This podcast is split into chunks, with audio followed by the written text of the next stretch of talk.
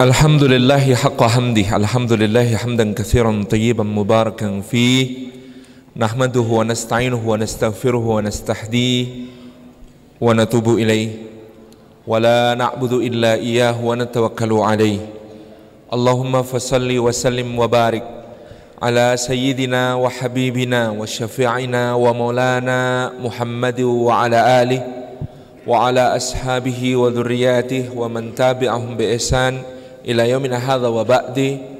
Assalamualaikum warahmatullahi wabarakatuh.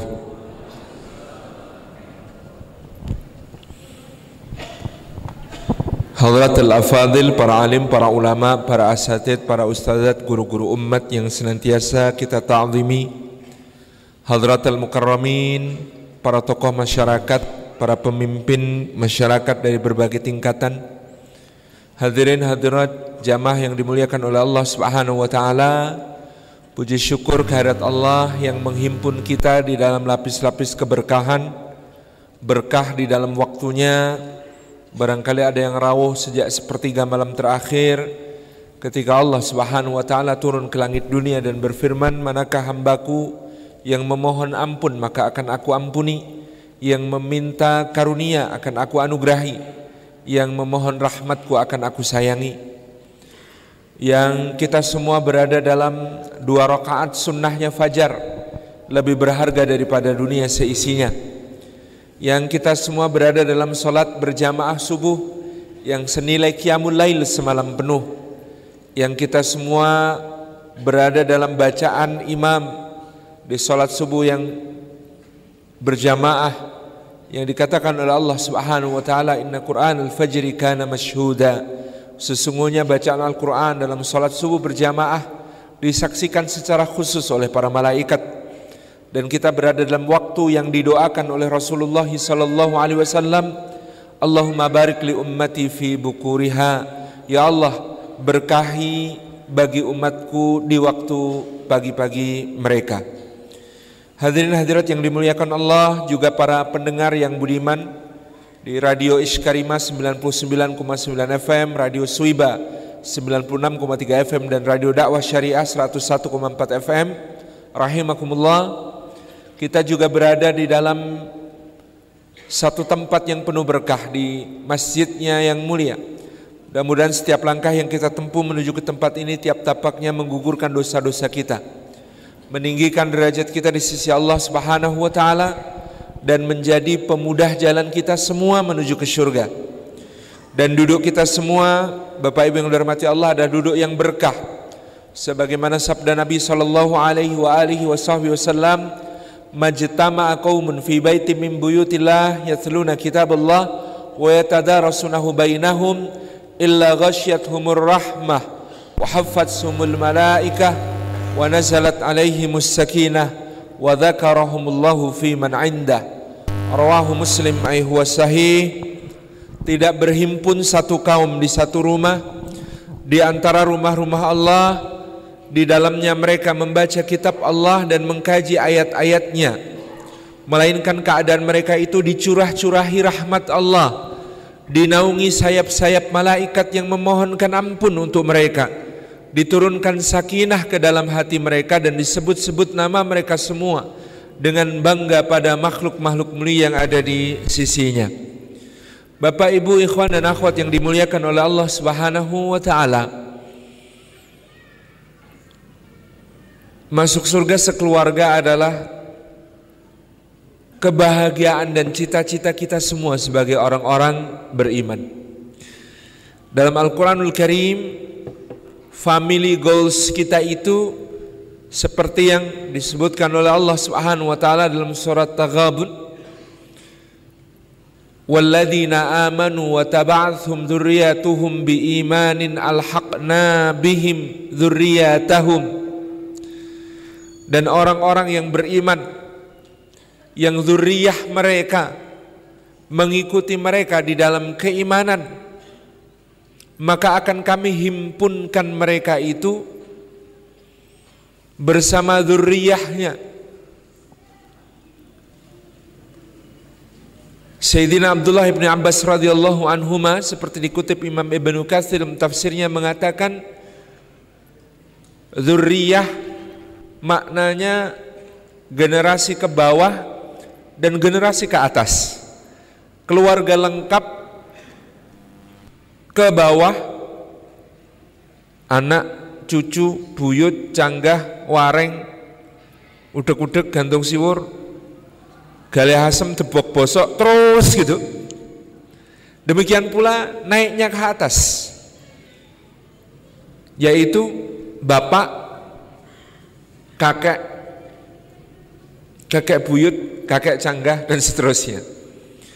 Dari mana kok kemudian zuriyah dimaknai bisa ke bawah, bisa ke atas? Padahal kita biasanya kalau nerjemahkan zuriyah itu anak cucu.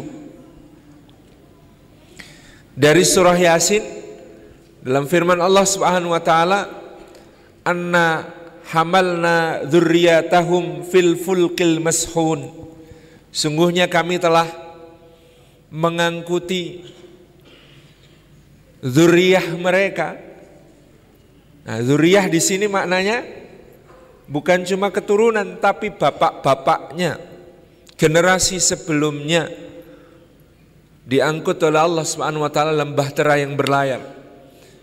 Maka kata zuriyah di dalam ayat ini tadi walladzina amanu wa taba'athum dzurriyyatuhum biimanin alhaqna bihim dzurriyyatahum kata zuriyah yang ada di belakang ini kami himpunkan mereka bersama zuriyah mereka. Maknanya adalah baik anak cucu maupun bapak kakek seterusnya. Semua dihimpunkan. Dihimpunkan di mana? Kata Sayyidina Abdullah bin Abbas lagi radhiyallahu anhu dihimpunkan di surga yang sama.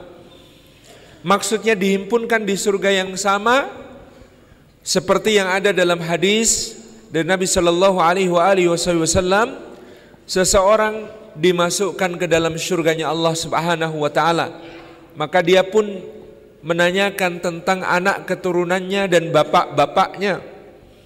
Kemudian oleh Allah Azza wa Jalla dijawab, sesungguhnya mereka anak keturunanmu ataupun bapak-bapakmu kedudukannya dan amalnya lebih rendah daripada kamu. Maka orang ini kemudian menjawab kepada Rabbnya Jalla Jalaluh, Ya Rabbi sesungguhnya aku ini dulu beramal di dunia bukan cuma untukku tetapi juga untuk mereka. Jadi aku beramal itu bukan cuma untuk diriku sendiri tetapi juga untuk bapak-bapakku dan juga untuk anak-anak keturunanku. Maka Allah taala pun kemudian menghimpunkan seluruh garis keturunannya ke atas maupun ke bawah di dalam surga yang sama yang tertinggi yang digapai oleh jalur keturunan itu. Maka Masya Allah Tabarakar Rahman ini anugerah Allah yang luar biasa Dihimpun anak keturunan Dihimpun bapak dan anak cucunya Serta bahkan juga kakek-kakek dan generasi sebelumnya Jika beriman kepada Allah dan iman itu Dijaga di antara garis keturunan itu dijaga dengan doa-doa, dijaga dengan takdib dan pengajaran-pengajaran, dijaga dengan ilmu, maka mereka dihimpunkan bersama-sama oleh Allah Subhanahu wa taala di dalam surga yang sama. Bukan di rata-rata, Pak. Kalau di dunia kan kita kadang-kadang untuk bagi roto itu dijumlahkan kemudian dibagi lalu ketemu rata-ratanya. Kemudian diletakkan di rata-rata. Allah itu tidak memberikan rata-ratanya tapi semuanya diangkat ke derajat yang paling tinggi yang digapai oleh keturunan tersebut. Waladzina amanu dan orang-orang yang beriman. Wa taba'athum dzurriyyatuhum biiman. Dan anak keturunannya mengikutinya di dalam keimanan. Alhaqna bihim dzurriyyatahum maka kemudian Allah Subhanahu wa taala himpunkan mereka semua di dalam surga yang sama Sebagaimana tadi ketika orang beramal lalu dia masuk surga lalu dia akan bertanya di manakah keturunannya dan juga bapak-bapaknya. Ketika dijawab lebih rendah kedudukannya, maka dia akan mengatakan aku beramal bukan hanya untuk diriku tetapi untuk diriku dan juga untuk mereka semua sehingga semuanya akan dihimpun oleh Allah Subhanahu wa taala bersama-sama di dalam surga. Ini family goalsnya kita semua. Kita ingin masuk surga bersama-sama dengan seluruh keturunan kita. Karena Sayyidina Abdullah ibnu Mas'ud ketika ditanya tentang ayat ini kenapa anak cucu dikumpulkan bersama bapak-bapak mereka dan sebaliknya di dalam surga karena berhimpun dengan orang-orang yang dicintai adalah bagian dari kesempurnaan nikmat di dalam surga. Masuk surga itu sudah nikmat. Tapi kalau kita masuk surganya tidak bersama dengan orang-orang yang kita cintai, nikmat itu kurang sempurna. Jangankan di surga, yang di dunia saja kalau kita tidak bareng-bareng dengan orang yang kita cintai maka rasanya kurang sempurna apa yang kita nikmati. Nah, kalau belum menikah tidak terlalu terasa. Misalnya kalau belum menikah itu mau jajan, wah oh, di sana ada kuliner enak, ayo ke sana kayaknya nikmat gitu ya. Sudah ada ulasannya di wisatakuliner.com gitu ya. Terus ke sana, wis pokoknya kalau kejangkau uangnya ada bisa dibeli, dikejar. Tapi begitu menikah beda. Begitu menikah itu lihat makanan saja yang terfikir pertama adalah yang di rumah makan apa ya. Bapak-bapak begitu, apalagi ibu-ibu. Makanya nyuwun sewu kalau ibu-ibu pasti snack arisan, snack pengajian itu tidak pernah dimakan di tempat. Iya bu, pasti dibawa pulang leres gitu ya karena apa? Karena kemudian ketika melihat satu nikmat yang terfikir bukan cuma dirinya, sudah tidak ada lagi aku dan kamu, adanya kita. Masya Allah. Ini jadi kesempurnaan nikmat itu kalau kita kemudian bersama dengan orang-orang yang kita cintai. Di dunia saja begitu, apalagi di dalam surga. Satu saat ketika saya safari dakwah di Amerika Serikat itu ada 11 kota 21 hari. Tiap dua hari sekali pindah kota Pak. Nah itu panitianya itu setiap kota itu menawarkan, Sek di sini ada tempat bagus, pemandangannya indah, ayo kita jalan-jalan. Saya matur, Boten sah mas, nggak usah. Lu kok nggak usah kenapa? Nanti kalau lihat pemandangan indah saya malah tambah sedih. Lo kok bisa tambah sedih? Lah iya wong sampean ngundangnya cuma saya nggak ngundang istri saya gitu. Saya tuh ingat yang seneng pemandangan indah itu istri saya. Kalau saya menikmati sendiri pasti ingat istri dan jadi sedih. Oh ngaten jidat. Ya kalau begitu jalan-jalan buat jalan-jalan ndak apa-apa. Tapi ke tempat yang istri saya ndak terlalu suka aja mas gitu. Biar apa? Biar nggak terlalu merasa bersalah gitu. Contohnya apa yang tidak terlalu suka? Contohnya museum. Itu saya seneng tapi dia nggak terlalu seneng. Jadi saya tidak terlalu merasa bersalah kalau pergi ke situ sendirian itu. Tabarakallah. Bapak Ibu yang dirahmati oleh Allah Subhanahu wa taala sebaliknya pula gitu ya. Satu saat saya istri sama anak-anak sudah merencanakan di Jogja ada tempat untuk apa namanya piknik gitu ya. Piknik dalam arti kayak piknik gelar kloso buka bekal mangan bareng gitu ya. Itu itu kan sesuatu hal yang seneng gitu ya asal bersama keluarga. Kita sudah nyiapkan gitu ya makanan-makanan sudah dimasukin ke mobil bawa tiker gitu ya bawa tenda kecil dum yang bisa disetel itu sudah siap berangkat gitu ya ternyata hujan turun deras. Wah ini terus ya anak-anak sedih kan wah nggak jadi hujan gitu ya. Ya akhirnya kemudian masuk di ruang tengah, di ruang keluarga, semua lampu kita matikan, tendanya dipasang, tikernya digelar, nyalain lilin, nyalain laptop, suara burung berkicau. Wah itu anak-anak sudah senang sekali keluar masuk tenda, main gitu ya. Ternyata kebersamaan itu memang bagian dari kesempurnaan nikmat. Kalau kita bersama-sama itu kadang-kadang ya, ya kalau sudah berkeluarga itu bukan ke mananya tapi bersama siapanya lebih penting. Maka benar yang dikatakan Abdullah ibnu Mas'ud radhiyallahu anhu bahwasanya gitu ya kenapa kok anak cucu kenapa kok garis keturunan dihimpunkan bersama-sama dalam surga itu bagian dari kesempurnaan nikmat di surga. Maka dengan istri juga begitu. Kila jannah antum wa azwajukum tuhbarun. Masuklah ke dalam surga kamu dan istri-istrimu digembirakan oleh Allah Subhanahu wa taala. Kamu dan istrimu digembirakan oleh Allah. Jadi goalsnya berpasangan itu juga berjodoh bukan cuma di dunia tapi berjodoh di dalam surga. Saya pernah di satu negara ada pengajian seperti ini kemudian ada pertanyaan yang paling unik menurut saya. Karena pertanyaannya itu oleh suami istri. Ustadz kami ini suami istri Alhamdulillah di dunia kompak. Insya Allah sakinah. Insya Allah kami saling mencintai, saling menghormati, saling menyayangi. Tapi kami masing-masing punya cita-cita. Nanti kalau saya masuk surga saya pengen suami saya bukan yang ini. Dan dia juga nanti kalau masuk surga pengen istrinya bukan saya gitu. Apakah bercita-cita seperti itu boleh gitu. Saya mau menjawab itu bingung. Ya karena tadi kila dukhulul jannah antum wa aswajukum tuhbarun. Tapi akhirnya saya punya jawaban. Saya jawab begini.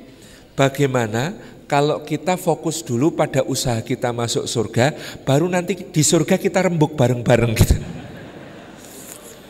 Nah, karena masuk surganya belum tentu sih. Lebih baik kita di dunia fokus pada usaha kita untuk masuk surga dan mencita-citakan yang terbaik, memohon yang terbaik kepada Allah, berjuang mengikhtiarkan yang terbaik, tawakal yang terbaik. Nah nanti kalau sudah di surga, ya weslah kita bisa bicarakan. Itu sama dengan satu pertanyaan dulu waktu sudah agak lama. Itu di email saya dapat pertanyaan itu ya bingung gitu jawabnya. Ustaz saya seorang laki-laki yang diuji Allah dengan satu kecenderungan SSE. Apa itu SSE? SSE itu same sex attraction, di ketertarikan seksualnya kepada sesama jenis. Tapi saya ini ya sedikit-sedikit tahu agama, saya tidak melakukan pelanggaran, saya tidak memperturutkan hawa nafsu saya. Saya anggap gitu ya ketertarikan sesama jenis ini sebagai ujian dari Allah. Kalau teman-teman lain di, diuji dengan lawan jenis, maka mereka menundukkan pandangan menjaga syahwatnya sama. Cuman saya bedanya adalah diuji dengan yang sesama jenis. Pertanyaannya apakah nanti kalau saya masuk surga boleh minta pasangan yang sejenis? Iki ya kepiye? Jawab gitu kan. Akhirnya jawaban sama, sama, jawaban saya sama. Bagaimana kalau kita fokus dulu pada usaha kita masuk surga, nanti pertanyaan itu kita tanyakan di surga kepada Gusti Allah gitu ya.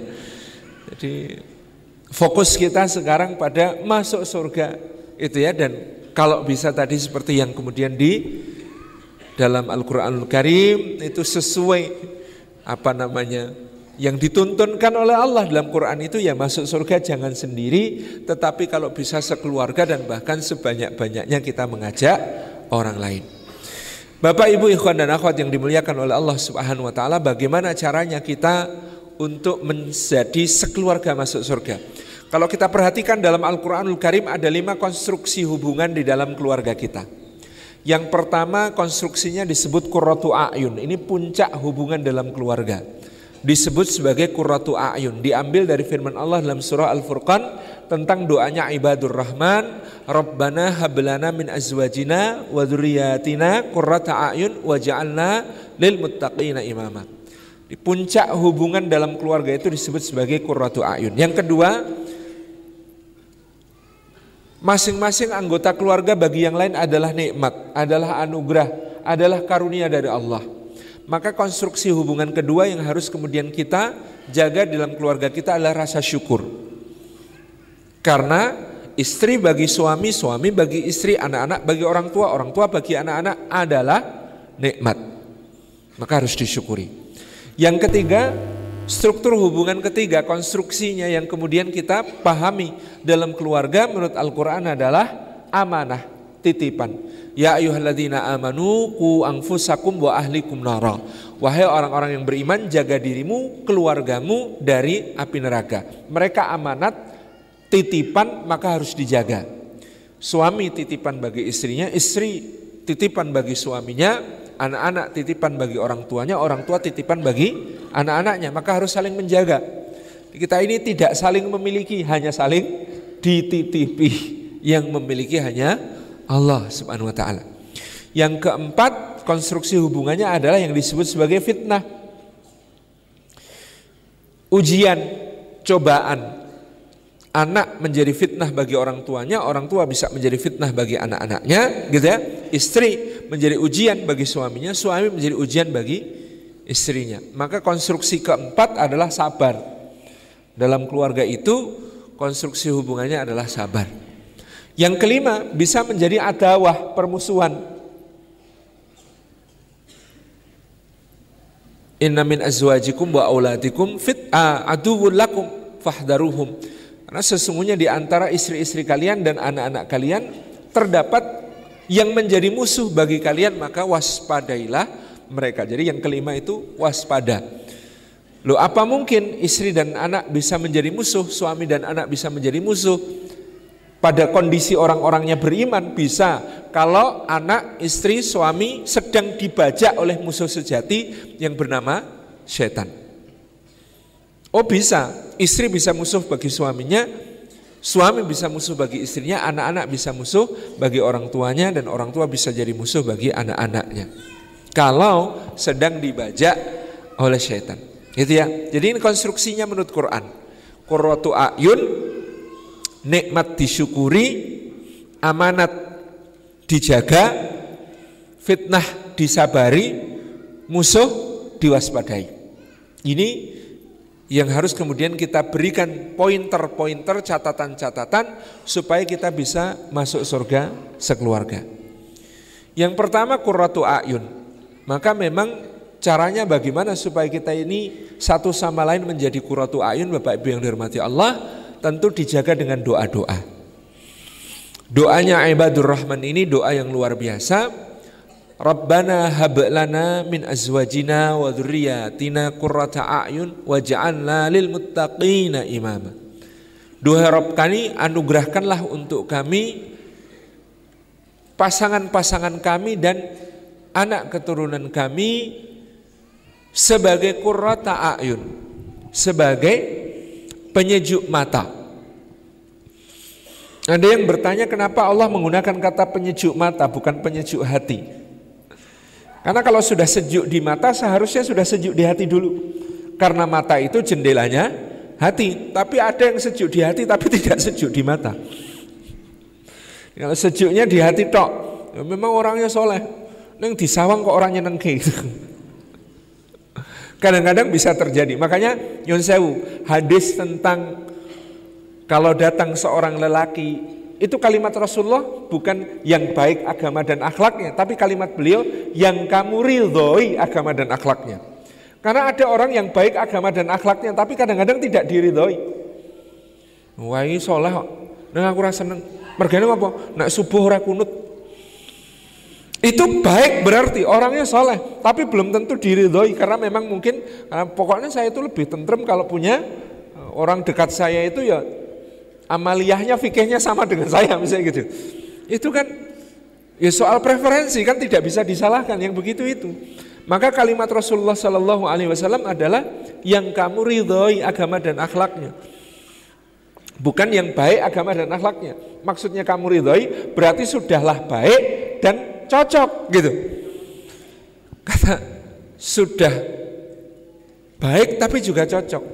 Artinya kamu ridhoi itu sudah melingkupi termasuk baik dan selain baik kita cocok.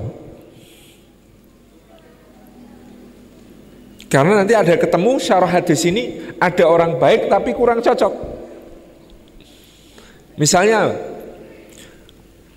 lo kalau hadis ini mutlak tadi kalimatnya adalah orang yang baik tidak boleh ditolak. Kok Sayyidina Abu Bakar ngelamar Fatimah ditolak? Kok Sayyidina Umar ngelamar Fatimah ditolak? Karena apa? Baik. Tetapi ridho itu tidak cukup hanya baiknya. Bagi seorang bapak seperti Rasulullah Muhammad SAW, anaknya juga punya preferensi, gitu ya. Dan bapak yang baik ini sudah tahu anaknya ini punya kecenderungan hati bukan kepada Abu Bakar, bukan kepada Umar, tetapi kepada Sayyidina Ali bin Abi Thalib radhiyallahu anhu. Jadi bapak yang baik di sini tidak kemudian waton soleh yuk ditompo. Kalau waton soleh ditompo, Abu Bakar jelas lebih layak untuk diterima lamarannya dari siapa pun di muka bumi pada saat itu. Lelaki terbaik sesudah Rasulullah Sallallahu Alaihi Wasallam. Atau juga misalnya Sayyidina Umar bin Khattab ketika melamar Ummu Kulsum binti Abi Bakar As-Siddiq radhiyallahu anhu adiknya Aisyah. Umar melamar adiknya Aisyah radhiyallahu anha Ummul Mukminin oleh ibunda kita Aisyah ditolak. Cara nolaknya halus, diarahkan Wahai Amirul Mukminin, mengapa engkau tanggung-tanggung? Maksudnya tanggung-tanggung. Engkau hendak mengikat kekerabatan dengan keluarga Abu Bakar padahal semua ikatan di akhirat itu terputus kecuali ikatan dengan Rasulullah sallallahu alaihi wasallam. Daripada bersambung dengan keluarga Abu Bakar lebih baik bersambung dengan keluarga Rasulullah. Maksud Ummul Mukminin bagaimana tanya Umar? Selain Ummu Kulsum binti Abi Bakar bukankah ada Ummu Kulsum binti Ali bin Abi Thalib putrinya Sayyidina Ali? Oh gitu. Setuju saya Dina Umar. Jadi alasannya ibunda kita Aisyah logis daripada sekedar nyambung kekerabatan dengan keluarga Abu Bakar lebih utama nyambung kekerabatan dengan keluarga Rasulullah SAW dan itu ada pada Ummu Kulsum binti Ali bin Abi Thalib. Alasan sebenarnya kenapa Aisyah menolak karena menurut Aisyah karakternya nggak nyambung. Ini Sayyidina Umar ini kan tegas, keras gitu ya apa adanya, ngomongnya belak-belakan. Sementara putrinya Abu Bakar As-Siddiq itu lembut, halus, kalau ngomong penuh kiasan gitu ya. Orangnya romantis karena hafal banyak bait syair gitu. Ini nggak cocok dengan Sayyidina Umar. Tapi kalau Ummu Kulsum binti Ali bin Abi Thalib itu keluarganya Ali dengan keluarganya Sayyidina Umar itu karakternya agak dekat. Jadi misalnya Umar pas marah belak-belakan ngomong tentang marahnya itu jadi penjelasannya itu bisa-bisa Ummu Kulsum binti Abu Bakar itu nggak bisa makan tiga hari tiga malam karena dimarahi suami. Tetapi kalau putrinya Sayyidina Ali bin Abi Thalib dibentak balas bentak, itu cocok gitu.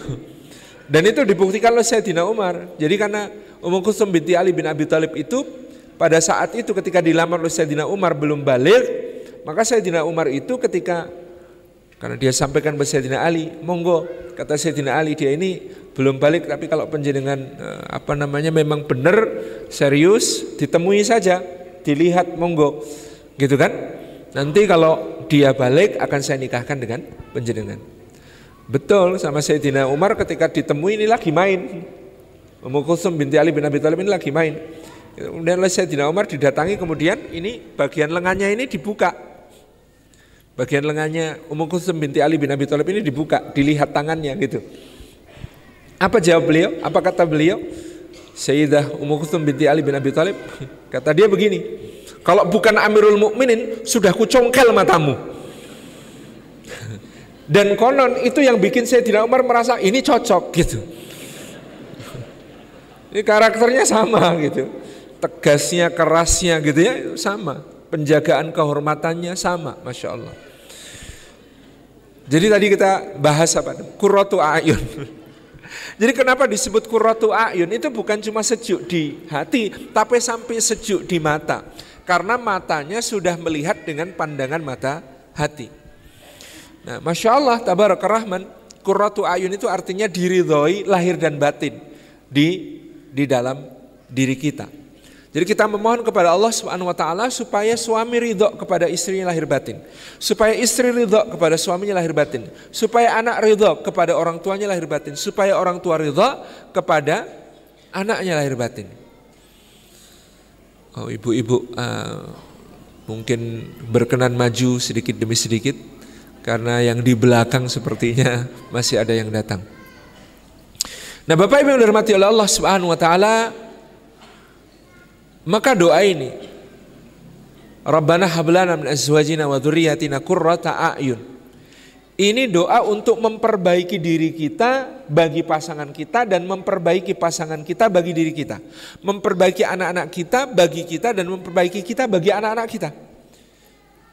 Dan juga sekaligus memperbaiki cara kita memandang mereka dan cara mereka memandang kita. Jadi sekaligus ini doa paripurna untuk diperbaiki oleh Allah Subhanahu wa taala supaya kita saling ridho satu sama lain. Nah, qurrata a'yun, qurrah ain itu kalau kita periksa hadis Nabi Shallallahu Alaihi Wasallam itu lebih tinggi daripada cinta. Karena Nabi SAW mengatakan dijadikan cintaku pada dunianya kalian ini pada istri dan wewangian. Jadi dua perkara yang paling Rasulullah Sallallahu Alaihi Wasallam cintai dari isi dunia itu kalau enggak istri, yang kedua adalah wewangian. Memang Rasulullah SAW ini dalam memakai wewangian berparfum, masya Allah luar biasa cinta beliau pada wewangian. Aini fis dan kata Nabi SAW dijadikan qurratu ayun duniaku itu di dalam sholat. Nah, tadi disebutkan ini cinta ada kurroh ain. Maka kurroh ain itu lebih tinggi dari sekedar cinta. Artinya apa? Ketika kita minta kepada Allah Subhanahu Wa Taala tentang keluarga kita supaya menjadi kurratu ayun bagi kita, itu kita minta bukan cuma sekedar cinta, yang lebih dari itu, yang betul-betul menyejukkan mata dan hati kita. Tapi kalau kita bicara pelajaran biologi, kalau di biologi Pak Bu, kira-kira yang disebut penyejuk mata itu sebenarnya apa? Di pelajaran biologi. Ada yang jurusan biologi. Apa penyejuk mata itu? Physically. Yang fisiknya penyejuk mata menurut biologi adalah air mata Pak. Itu yang menyejukkan mata kita. Makanya kemudian oleh Allah Subhanahu taala kita itu didesain untuk tiap beberapa detik sekali kedap. Berkedip itu cara untuk membasahi permukaan mata kita supaya tetap sejuk. Dibasahi pakai apa? Dengan air mata yang dikeluarkan oleh kelenjar air mata. Maka sebuah rumah tangga, sebuah keluarga itu akan kurratu ayun satu sama lain, itu juga harus ada air matanya. Kalau tidak ada air matanya, tidak sempurna kesejukannya. Air mata apa? Air mata bapak mendoakan anaknya, air mata ibu mendoakan anaknya, air mata anak mendoakan orang tuanya, air mata suami mendoakan istrinya, air mata istri mendoakan suaminya. Itu dohir sejuk gitu ya. Penyejuk mata itu yang demikian. Jadi saling mendoakan dengan tulus bahkan jika perlu sampai meneteskan air mata itulah kuratu a'yun. Kita saling menjaga dengan doa-doa kita. Masya Allah, Bapak Ibu dari Allah, kalau kita sudah berdoa, memperbanyak doa kurratu ayun ini tadi, pandangan kita bukan lagi pandangan dohir kepada istri kita, anak kita. Yang terlihat adalah ini ladang amal menuju ke surga. Nyuzawu, mas-mas yang belum menikah, mungkin kalau mau menikah ya milih tetap yang cantik. Bagian dari Nabornya melihat supaya menemukan satu hal yang memperkuat niatnya untuk menikah kan begitu. Kalau jadi ini karena subjektif ya, yang namanya cantik itu kan relatif. Tetapi kita kan diminta Rasulullah SAW, Ungduru ilaiha, coba lihat dia untuk kamu temukan sesuatu yang membuat kamu makin kuat niatnya untuk menikahinya. Itu penting. Artinya selera masing-masing. Tetapi selera itu ya kalau bisa ditemukan pada orang yang akan menjadi pasangan hidup kita. Maka ada nazar, maka disunahkan untuk melihat calon pasangan sebelum menikah. Meskipun sekali lagi kecantikan itu relatif. Makanya kalau sudah kemudian menjadi pasangan kita, gitu ya, yang kita cari dari dia sudah bukan cantiknya lagi, Kak. Karena kalau cari cantiknya itu tiap hari keluar edisi baru, Pak. Tidak habis-habis itu. Nah, kalau sudah itu pokoknya kita berdoa, ya Allah, ini jadikan kuratu ayun. Maka kuratu ayun itu lebih tinggi dari soal cantik dan ganteng. Dengan kuratu ayun maka yang kita pandang dari pasangan kita itu sesuatu yang lebih daripada soal dunianya. Bapak-bapak kalau sering berdoa kuratu ayun maka istrinya ini akan tampak bukan Bukan lagi fisik dunianya tapi juga di hati kita itu kelihatan ini sosoknya nanti di surga. Masya Allah. Wah ini menurut satu riwayat begitu ya. Wanita solehah kalau masuk surga itu 70 ribu kali lipat lebih cantik daripada bidadari yang paling cantik. Jadi ibu-ibu itu nggak usah khawatir kesaingan bidadari bu. Boten level bidadari itu. Ini bidadari yang paling cantik saja itu hanya sepertujuh puluh ribu dari kecantikannya wanita solihah yang masuk surga. Wong level tempat tinggalnya saja berbeda kok. Kalau ibu-ibu masuk surga, di dalam surga disediakan apa oleh Allah? Istana. wa masakin thayyibatan fi jannati adn dan istana-istana yang sangat indah dan megah di dalam surga Aden. Itu tempat tinggalnya ibu-ibu kalau masuk surga. Kalau bidadari di surga tinggalnya di mana? Di tenda. Dalam surah Ar-Rahman ya, hurum maqsuratun fil khiyam. Bidadari-bidadari yang terjaga, tersembunyi di dalam kemah-kemahnya. Jadi ibu-ibu itu di istana, bidadari itu cuma di tenda, tapi ya jangan dibayangkan kayak tenda pramuka. Di dalam surga itu tendanya lebih indah daripada istana yang paling indah di dunia, gitu ya. Itu tendanya, apalagi istananya. Jadi ibu-ibu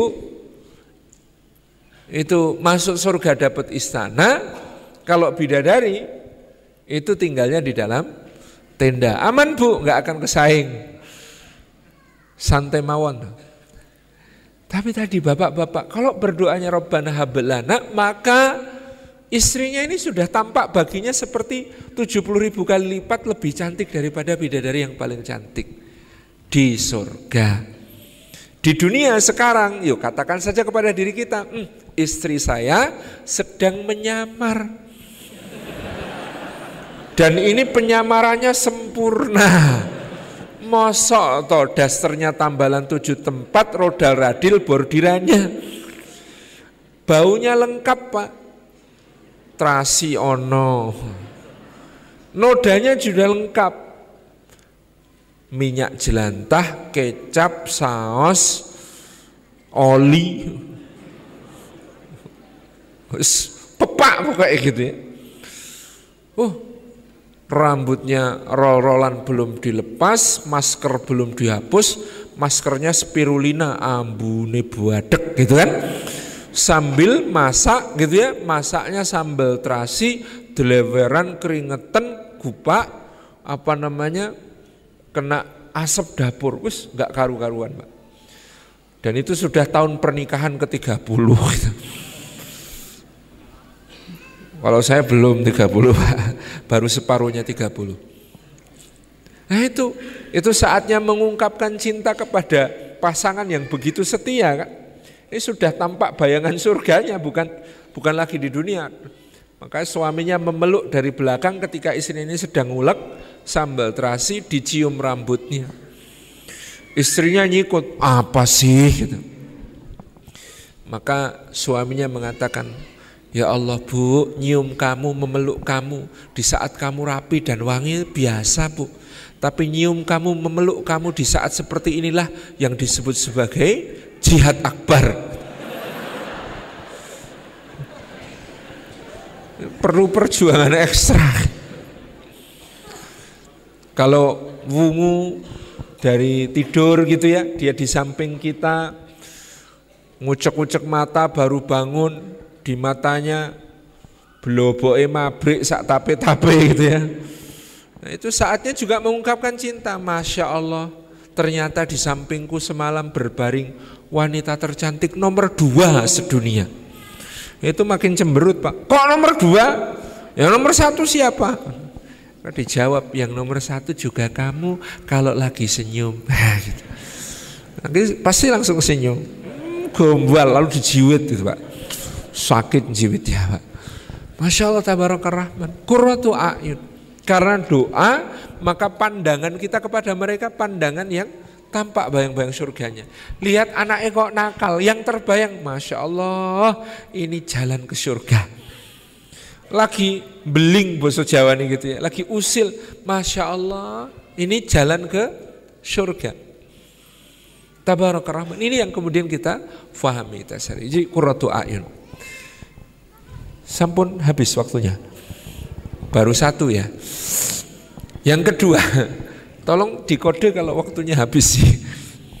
Baik para pendengar Iskarima 99,9 FM, Suiba 96,3 FM dan Radio Dakwah Syariah 101,4 FM. Saya tidak apal cuma baca ini, Bu. Hadirin hadirat yang dimuliakan oleh Allah Subhanahu wa taala. Yang kedua adalah dia itu keluarga kita itu anugerah nikmat karunia dari Allah Subhanahu wa taala. Maka wajib kita syukuri. Kalau kita mau bersama-sama ke surga, masuk surga bareng-bareng dengan seluruh keluarga kita, pandai-pandailah mensyukuri keluarga kita. Kepada anak, kecup lembut keningnya sambil doakan waiduki bi kalimatillah hitam mati kulli syaitani wa hammati wa min kulli aini lamah. Kalau dia lagi tidur elus-elus kepalanya kemudian bisikkan Allahumma misalnya laki-laki Allahumma faqihhu fid din wa alimhu ta'wil. Allahumma ja'alhu rajulan salihan aliman faqihan hafizan li kitabik. Misalnya kita. Berdoanya monggo kalau tidak bisa bahasa Arab, bahasa Indonesia ya tidak apa-apa. Ya Allah, jadikan hafid Quran, alim, faqih, jadikan imam Masjidil Haram gitu ya. Jadi kita doakan Wong doa itu yang bicara hati kepada Allah Subhanahu wa taala. Saya itu pernah di satu grup WhatsApp lihat ada orang tanya nomor kontak atau alamat seseorang. Itu tipe, Pak. Salah ketiknya banyak. Tapi pertanyaan yang salah ketiknya banyak ini ternyata jawabannya benar. Lima jawabannya benar semua. Yang ngirimi dia itu lima orang jawabannya benar semua. Itu lalu saya merenung. Dungo kok kelaru-kelaru tajwid ya insya Allah mustajab kalau hatinya tulus itu ya. Kayak ini tipe saja ternyata teman-temannya bisa memberi jawaban yang benar. Ini ya nek iso sing fasih gitu. Ini tabaraka Bapak Iman dan Allah Subhanahu wa taala Bagaimana kemudian kita mensyukuri? Ungkapkan rasa syukur itu juga kepada mereka. Mbak, matur nuwun ya, mau jadi anaknya Abah. Memang aku punya pilihan. ya matur nuwun, terima kasih, ridho. Abahmu tidak sempurna, abahmu banyak salah. Tapi tetap bakti sama abah. Makasih anak ya. Abah itu Rasa-rasanya kamu anugerah Allah yang paling berharga. Nanti kalau kamu berdoa nak, Masya Allah. Mungkin Abah selamat itu karena Abah banyak dosanya itu selamat karena doa-doamu mohon ampun Rabbi fili wali walidayya warhamhu maka rabbayani saghira. Mungkin nak kamu nanti mengamalkan sesuatu amalan yang dulu mungkin Abah ngajari kamu satu dua bentuk amal tertentu lalu kamu amalkan, kamu jadikan kebiasaan, pahalanya mengalir terus untuk Abah. Masya Allah bahagianya Abah di akhirat tak kalau kayak begitu. Seneng. Masya Allah ini mensyukuri Pak mengapresiasi. Nyuwun sewu kita dalam keluarga kalau kemudian melihat kesalahan biasanya reaksinya cepat. Cek jenenge menegur yang namanya memarahi yang namanya apa namanya marah-marah gitu ya bahkan sama orang-orang yang kita sayang. Kita reaksi cepat. Tapi kalau dia melakukan kebaikan nah kita ini jarang untuk mengapresiasi. Padahal ini jauh lebih penting juga. Bagaimana kita mengapresiasi memberi pujian apa sih yang perlu dipuji Bapak Ibu yang hormati Allah yang perlu dipuji itu sesuatu yang memerlukan effort ini ternyata muji itu ada ilmunya kalau sesuatu yang dianugerahkan Allah tanpa usahanya dia itu nggak usah dipuji. Yang dipuji Allah saja. Ya nyebut boleh, masya Allah anaknya abang ganteng. Tapi harus kemudian, masya Allah la kuwata illa billahnya nggak boleh, nggak boleh lupa. Kembalikan pujiannya kepada Gusti Allah. Karena itu yang bikin seperti itu Gusti Allah. Jangan sampai merasa bangga, masya Allah nak ganteng yo, pergo bapakmu ganteng. Bukan, bukan karena bapaknya ganteng, Gusti Allah kalau mau bikin jelek juga gampang naudzubillah min Tapi kan ini semuanya nikmatnya Allah. Jadi kembalikan semua pujian kepada Allah. Nah, kalau kemudian dia melakukan effort anak-anak kita misalnya, maka puji. Masya Allah nak, ini nilaimu cuma tujuh tapi kamu abah lihat semalam belajarnya sampai jam setengah dua belas. Apa tuh bangga kamu tuh mau belajar keras soal hasil Gusti Allah yang ngasih. Tapi usahamu tadi malam itu insya Allah nak akan menjadi bekal hidup yang luar biasa karena kamu betah melek. Karena kamu mau berjuang, karena kamu mau berusaha keras meskipun gak dong-dong. tambah-tambahan raiso-iso gitu ya. Ping-pingan perkalian buntu. Tapi kamu mau belajar, kamu mau mencoba sampai semalam setengah 12 baru tidur. Keren itu nak. Nah ini effort. Maka memuji effort ini akan membuat dia bersemangat melakukan effort yang sama di waktu-waktu yang akan datang. Nah maka mensyukuri Bapak nanti Pak ngendika kepada Kang Garwo matur ya Bu mau jadi istrinya Bapak menjaga Bapak ya Allah di luar banyak godaan maka kalau banyak godaan itu Bapak langsung pulang ini di HP-nya Bapak wallpaper sama screen savernya fotonya ibu soalnya kalau ada godaan yang lain apa langsung lihat Bapak itu langsung lihat handphone biar lihat wajahnya ibu. Biar ingat sama Gusti Allah jaga diri dari maksiat. Makasih ya Bu ya. Mau menjaga Bapak dengan cara rutin ke salon seminggu sekali. Lo penting loh. Ini bagian dari mensyukuri. Ibu-ibu nyun sewu, saya nyun periksa. Penjenengan dandannya lebih cantik mana? Nyambut bapak pulang kerja atau pergi pengajian? Hmm, lebih cantik mana dandannya bu? Pergi pengajian, nah, itu kelirunya double loh niku. Keliru pertama tidak menyambut bapak pulang dengan sebaik-baiknya, keliru kedua memperberat ujiannya para ustadz.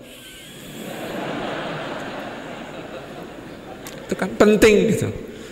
Nyun sewu, makanya kalau sudah suami itu berkode, misalnya ngendiko, Bu, mbok kono tindak salon muslimah, Bu, mau bocah-bocah men dolan karo aku, tak jae neng mancing gitu.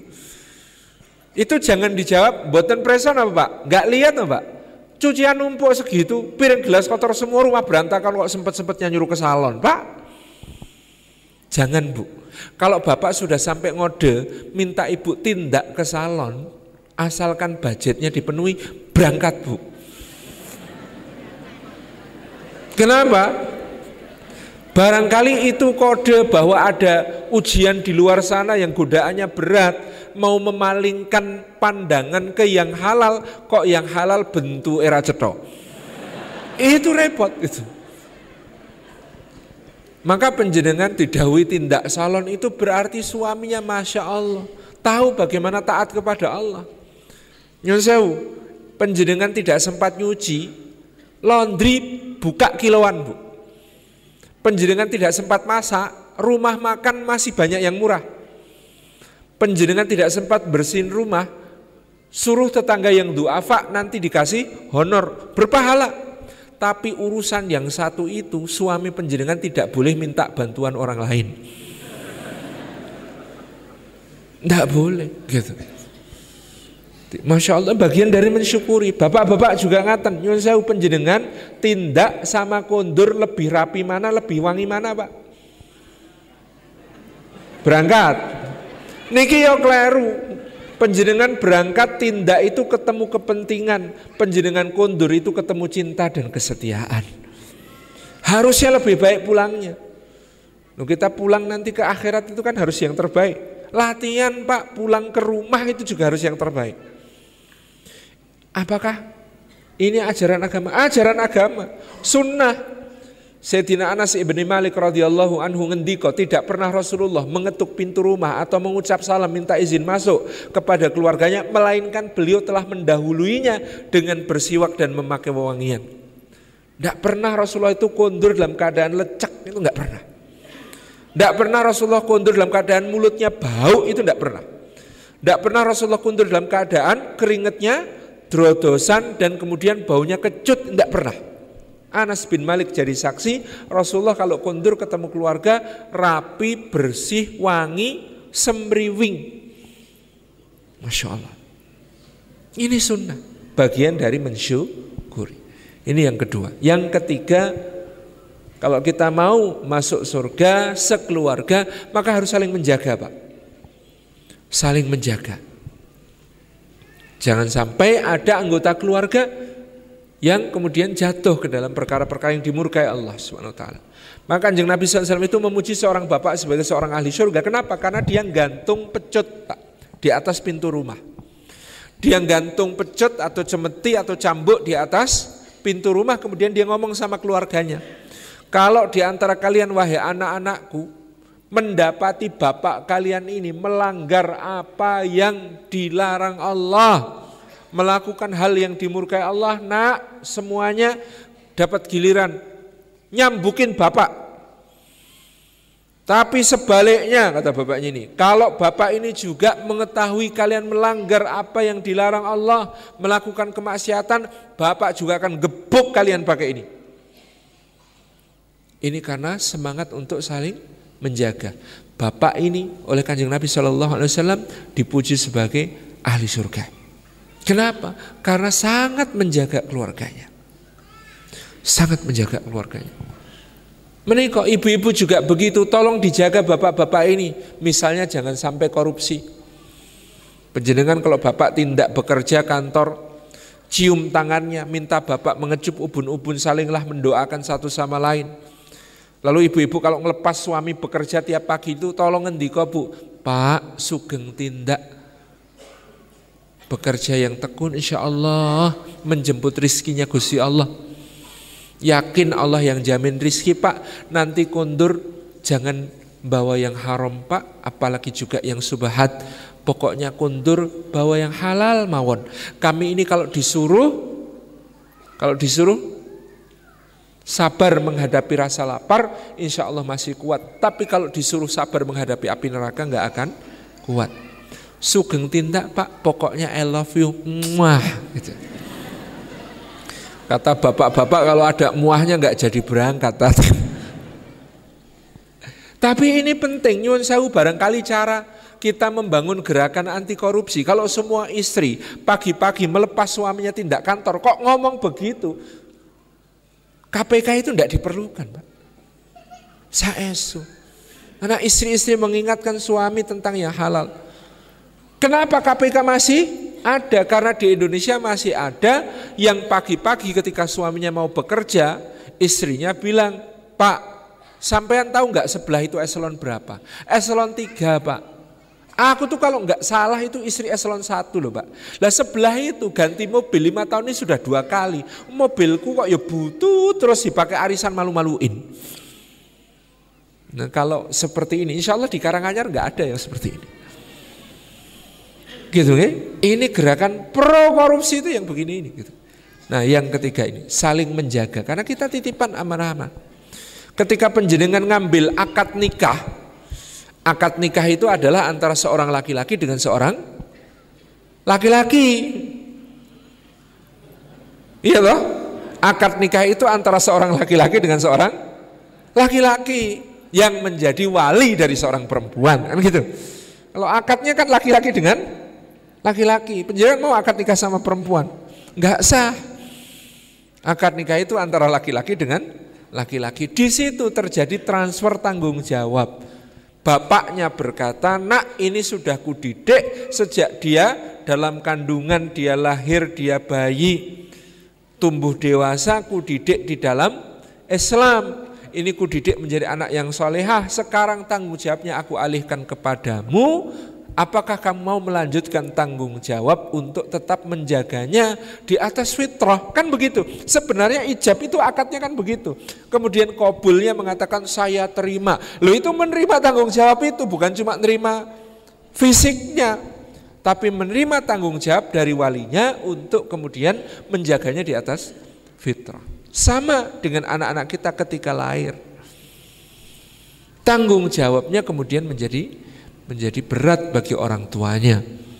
Ketika ada seorang anak dilaporkan bapaknya anak saya durhaka, anak itu dipanggil kanjeng Nabi Shallallahu Alaihi Wasallam kemudian ditanya kenapa kamu durhaka pada bapakmu? Anaknya menjawab ya Rasulullah apakah kewajiban orang tua kepada anaknya? Nabi SAW menjawab kewajibannya memilihkan ibu yang solehah, memberi nama yang baik dan mendidikkan adab yang baik. Kata anak ini loh bapak saya tidak pernah yang tiga itu dilakukan. Dia milihkan ibu untuk saya bukan ibu yang soleha, gitu ya. Kemudian dia tidak memberi saya dengan nama yang baik. Yang ketiga dia tidak pernah mendidikkan adab kepada saya. Maka Nabi Shallallahu Alaihi Wasallam berkata kepada bapaknya, kamu sudah durhaka kepada anakmu sebelum anakmu durhaka kepadamu. Jadi apakah ada orang tua durhaka kepada anak? Ada. Seperti yang disebutkan Rasulullah SAW ini. Saling menjaga. Ini yang keempat. Eh yang ketiga. Yang keempat. Karena anak bisa jadi fitnah untuk orang tuanya, istri bisa jadi fitnah untuk suami, suami bisa jadi fitnah untuk istri. Ujian Pak, Namanya ujian itu kadang-kadang tergodanya bareng-bareng, kadang-kadang yang tergoda cuma salah satu. Tapi namanya ujian dihadapi bersama. Disabari bareng-bareng. Bagaimana kemudian kita menghadapi ujian-ujian itu. Suami akan diuji, gitu ya. Biasanya ujiannya suami kalau pas longgar, duitnya banyak, karirnya melesat, itu ujiannya suami di situ. Kok sering jatuh berarti sudah hampir habis waktunya. Ujiannya ibu, ujiannya istri biasanya pas sempit, pas susah. Ini umum ya, karakter umum. Biasanya bapak-bapak itu diuji kalau longgar duitnya akeh. Biasanya kalau sudah karir menanjak, longgar duitnya akeh yang dulu istrinya paling cantik, baru kemudian menyadari ternyata sekretaris di kantor lebih cantik daripada istri. Ujiannya di situ. Tapi kalau ibu-ibu ujiannya pada saat sempit. Kita yo lulusan USM Universitas 11 Maret.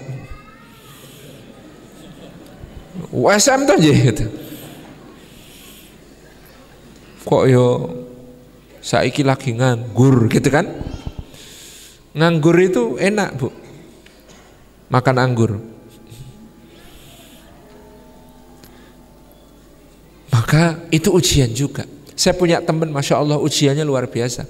Beliau itu di Port Western Australia tinggalnya dan dulu waktu saya ke sana pertama 2011 ketemu keluarga ini masya Allah lagi sugi-sugi ya pak. Kenapa? Kerja di pertambangan, pertambangan lagi booming, lagi luar biasa kaya raya gitu ya. 2012 juga masih sugih, saya ke sana juga ketemu. 2013 mulai harga minyak turun-turun-turun. Yang kepukul pertama adalah industri alternatifnya, batu bara. Nah dia di pertambahan batu bara. 2014 sudah sampai 30 US dollar per barrel. Sudah nggak bisa ditolak harga itu, perusahaan batu bara kolaps. Dia di PHK. 2015 itu ketemu, Masya Allah saya tanya, terus pundi mas ya Sawak ujian gak usah sabar Sabar terus pundi ya sekarang Saya pokoknya tetap bekerja yang penting saat Alhamdulillah Wong saya bisa jadi pencatat meteran listrik dan air keliling ke rumah-rumah. Masya Allah. Itu negakkan izahnya sebagai suami tetap bekerja. Meskipun nggak mungkin cukup untuk biaya hidup itu Yang seperti itu. Jadi dia tetap makan tabungan. Ya alhamdulillah set, tapi ada sisi hikmahnya. Terus pun di, dulu itu saya bekerja itu tiga minggu di field, seminggu libur, tapi seminggu itu untuk memulihkan capek yang tiga minggu itu kadang nggak cukup. Di rumah cuma gelimbang, gelimbung tidur nggak jelas. Tapi sekarang alhamdulillah saya ini nikmat itu bisa pergi sholat subuh berjamaah, gitu ya, ngantar anak sekolah, jemput, dampingi anak ke tahfidz, Quran, ngantar istri ke majelis taklim, itu saya sekarang alhamdulillah longgar sekali itu. Istrinya juga bilang, Alhamdulillah saat sekarang tahajudnya rajin. Dulu alasannya capek, capek, capek. Sekarang awas bilang capek, nganggur kok capek. ya Masya Allah ya, tetap bersyukur. 2016 itu saya kontak-kontakan, dos mas, doanya Ustaz ini uang tabungan hampir habis. Kalau uang tabungan hampir habis kan berarti mau diisi lagi total sama Allah. Luar biasa positif itu. Alhamdulillah gitu ya istrinya juga luar biasa supportnya kepada suami. Dan benar dia kemudian cerita hari terakhir di mana tabungannya itu hanya cukup untuk hari itu itu dia dipanggil untuk bekerja di sebuah perusahaan. Dan dia cerita saya itu berdoa Ustaz mudah-mudahan kalau saya dapat pekerjaan lagi maka nikmatnya tidak dicabut nikmat menopo, nikmat tahajud, nikmat ngantar anak sekolah, nikmat sholat berjamaah, nikmat ngantar tahfid dan ikut tahfid bersama anaknya itu. Kalau bisa jangan di, dicabut. Dan Masya Allah ketika dia diangkat lagi dapat pekerjaan itu, setelah sabar hampir dua setengah tahun joblessnya dua setengah tahun itu dia ini tabarakar rahman apa yang kemudian dia dapat sebuah pekerjaan kalau dulu dia engineer harus ke field harus ke lapangan sekarang jadi konsultan kerjanya bisa dibawa ke mana saja asal bawa laptop dan terkoneksi internet ada kuota Jadi bisa dibawa ke mana saja bebas ngantornya juga bebas dan gajinya dua kali lipat dibanding yang dulu tabarakar rahman ini buah kesabaran. Ujiannya begitu. Diuji dengan Yonsewu anaknya nakal nih. Sabarnya Masya Allah orang itu ya. Ada orang datang ke kiai saya Allahu Yarham Kiai Mu'tamid Khalil Pelawasan. Dia curhat suami istri sambil agak nangis gitu ya. Pak Kiai tolong kami ini kira-kira dosa apa Pak Kiai? Anak kami itu tiga, yang dua alhamdulillah ngajinya beres, mondoknya beres, sekolahnya beres, kuliahnya beres, sekarang kerja beres. Tapi anak saya yang ketiga ini Pak Kiai, ya Allah, ngajinya bedudak ora karu-karuan, mondoknya bubrah, sekolahnya bubar, nakal, rusak, dos pundi Pak Kiai, dosa saya. Ini apa kok bisa sampai begini? Guru saya itu cuma mesa, mesem terus mundut periksa Putra sampean pinten? Tiga Pak. Yang nakal pinten? Setunggal. Hmm, lumayan. Astagfirullah kok lumayan dos pundi to Pak Kiai menika awrat sangat ujian kula. Nggih lumayan wong teng Quran niku wonten sing luwih soleh timbang sampean, bapaknya luwih soleh timbang bapak sampean, simbah niku sesoleh-soleh soleh nggak mungkin ditandingi simbah sampean. Namine Yakub bin Ishak bin Ibrahim. Niku anake rolas sing nakal sepuluh, sing soleh ilang. Pemboten pepak niku anake rolas sing nakal sepuluh, sing soleh ilang. Kata suaminya sama istrinya itu, Pak kayaknya kita salah curhat ini Pak.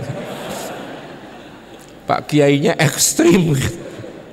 Lo yang mboten ngaten Pak Bu, saya cuma mau menunjukkan sing menderita mergo anake rodok nakal mboten namuk panjenengan. Niki lho teng Quran wonten tiyang saleh wah mbok jenengan mboten nonton apa-apane. Mau niki nabi, putrane nabi, wayahe nabi. Lah kok anake rolas sing nakal 10 sing soleh hilang. Ning kula tanglet kepada penjenengan, ini kira-kira Nabi Yakub niku happy ending napa mboten? Happy ending Pak Kiai. Lah. Pripun kuncine kok happy ending? Innama asku basi wa husni ilallah. Nak susah kados nopo pun itu mengadu gitu ya. Wadulnya sama Gusti Allah, jangan sama saya. Pak Kiainya itu malah wadul sama saya. Oh saya juga punya anak sendiri juga ngurusi repot kok malah diwaduli anak wong. Waduh Pak Kiai terus dos pundi nggih niku innama asku basi wa husni illallah. Jenengan pokoke kata-katain donga nyuwun sedumateng Gusti Allah anake dadi soleh. Pun yakin insyaallah Gusti Allah niku ngijabah. Beteknen mangke jenengan anake dadi soleh niku bar jenengan sedo.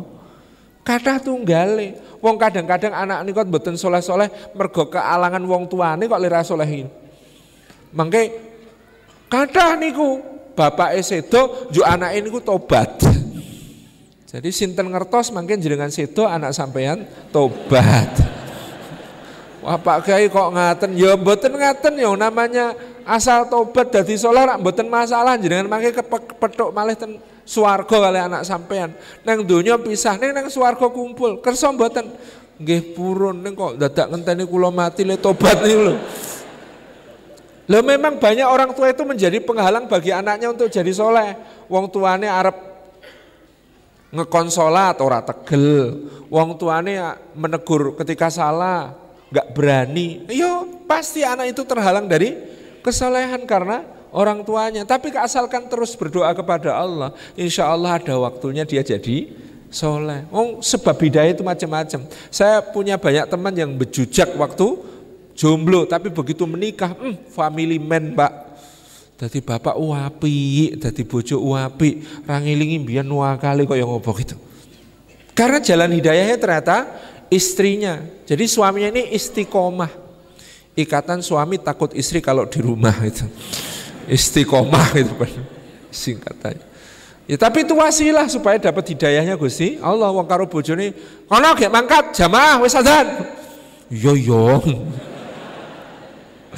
Kan itu hidayah gitu.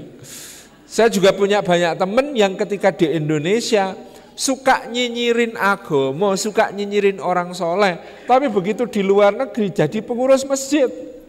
Itu satu saat saya ke sebuah negara itu lucu kok ditemui sama orang.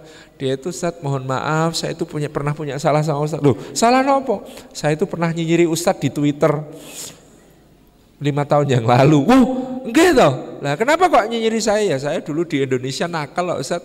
Saya liberal loh di Indonesia. Lah kok sini jadi pengurus masjid? Lah ya di sini tuh kok waktu datang pertama itu kangen suara azan jebule gitu. Ya, dapat hidayahnya di luar negeri Pak. Merasa jadi minoritas selalu merasa membutuhkan masjid. Jadi jalan hidayah itu macam-macam kok. Aman gitu. Asalkan nyambung dengan Gusti Allah, banyak berdoa kepada Allah. Ini apa namanya? Harus saling waspada. Karena satu sama lain bisa jadi fitnah. Yang terakhir karena adawah, adawah ya itu permusuhan bisa jadi musuh. Ya, contohnya jadi musuh ya tadi istri yang bilang pak pak temennya korupsi semua kok bapak ndak. Rugi pak. Disengiti konco barang tuh jenengan nih mulane yo ojo banget banget le setrik mbok ono amplop ya ditompo amplopnya kagem bapak, isinya kagem kula. Ini baru jadi musuh. Kalau sudah istri kok ngomong begini, Pak, pegang kepalanya, terus kemudian bacakan ayat kursi. Terus kemudian disebul, fu fu fu telu. Hmm, bapak ki mau edian gitu kan. Nah, harus begitu gitu ya. Ini kalau sudah jadi sedang dibajak sama setan ini kita harus waspada. Jenengan itu mau ayat kursi kok naik lewat kuburan. Rumah sana setan ki neng kuburan po. Ngapa neng kuburan? Tugasnya setan itu menggoda orang hidup bu, bukan menggoda orang mati. Rumah sate neng setan ini di kuburan. Ngapain di kuburan pak? Dia itu tugasnya menggoda orang hidup. Makanya hadisnya setan itu paling banyak di mana? Di pasar. Mau di pasar itu gampang digoda. Itu ya. Saya tuh dulu iri sama pedagang karena ada hadis pedagang yang jujur di sisi Rasulullah di dalam surga dekatnya seperti ini. Kan enak itu. Kok enak jadi pedagang gitu ya. Begitu saya mengetahui dunia perdagangan, akhirnya saya paham kenapa pedagang yang jujur itu dekat sama Rasulullah. Karena tidak gampang jadi pedagang kok jujur. Saya pernah jual mobil saja, itu tergoda, hampir tergoda untuk tidak jujur Pak. Nah, jual mobil, ditanya sama yang mau beli, Pak ini sudah pernah kecelakaan belum? Aku dilema ilar jawab mau dijawab pernah regone medon gitu. Mau dijawab belum pernah ngapusi. Piye ya jawab? Nggih nate ning mboten parah kok Mas gitu.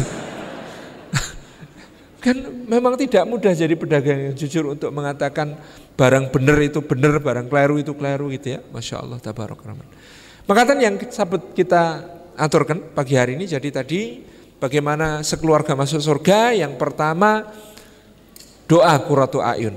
Yang kedua disyukuri karena dia anugerah. Yang ketiga dijaga karena dia amanah. Yang keempat disabari karena dia fitnah. Yang kelima diwaspadai karena dia musuh. Jazakumullah khairan. Wassalamualaikum warahmatullahi wabarakatuh.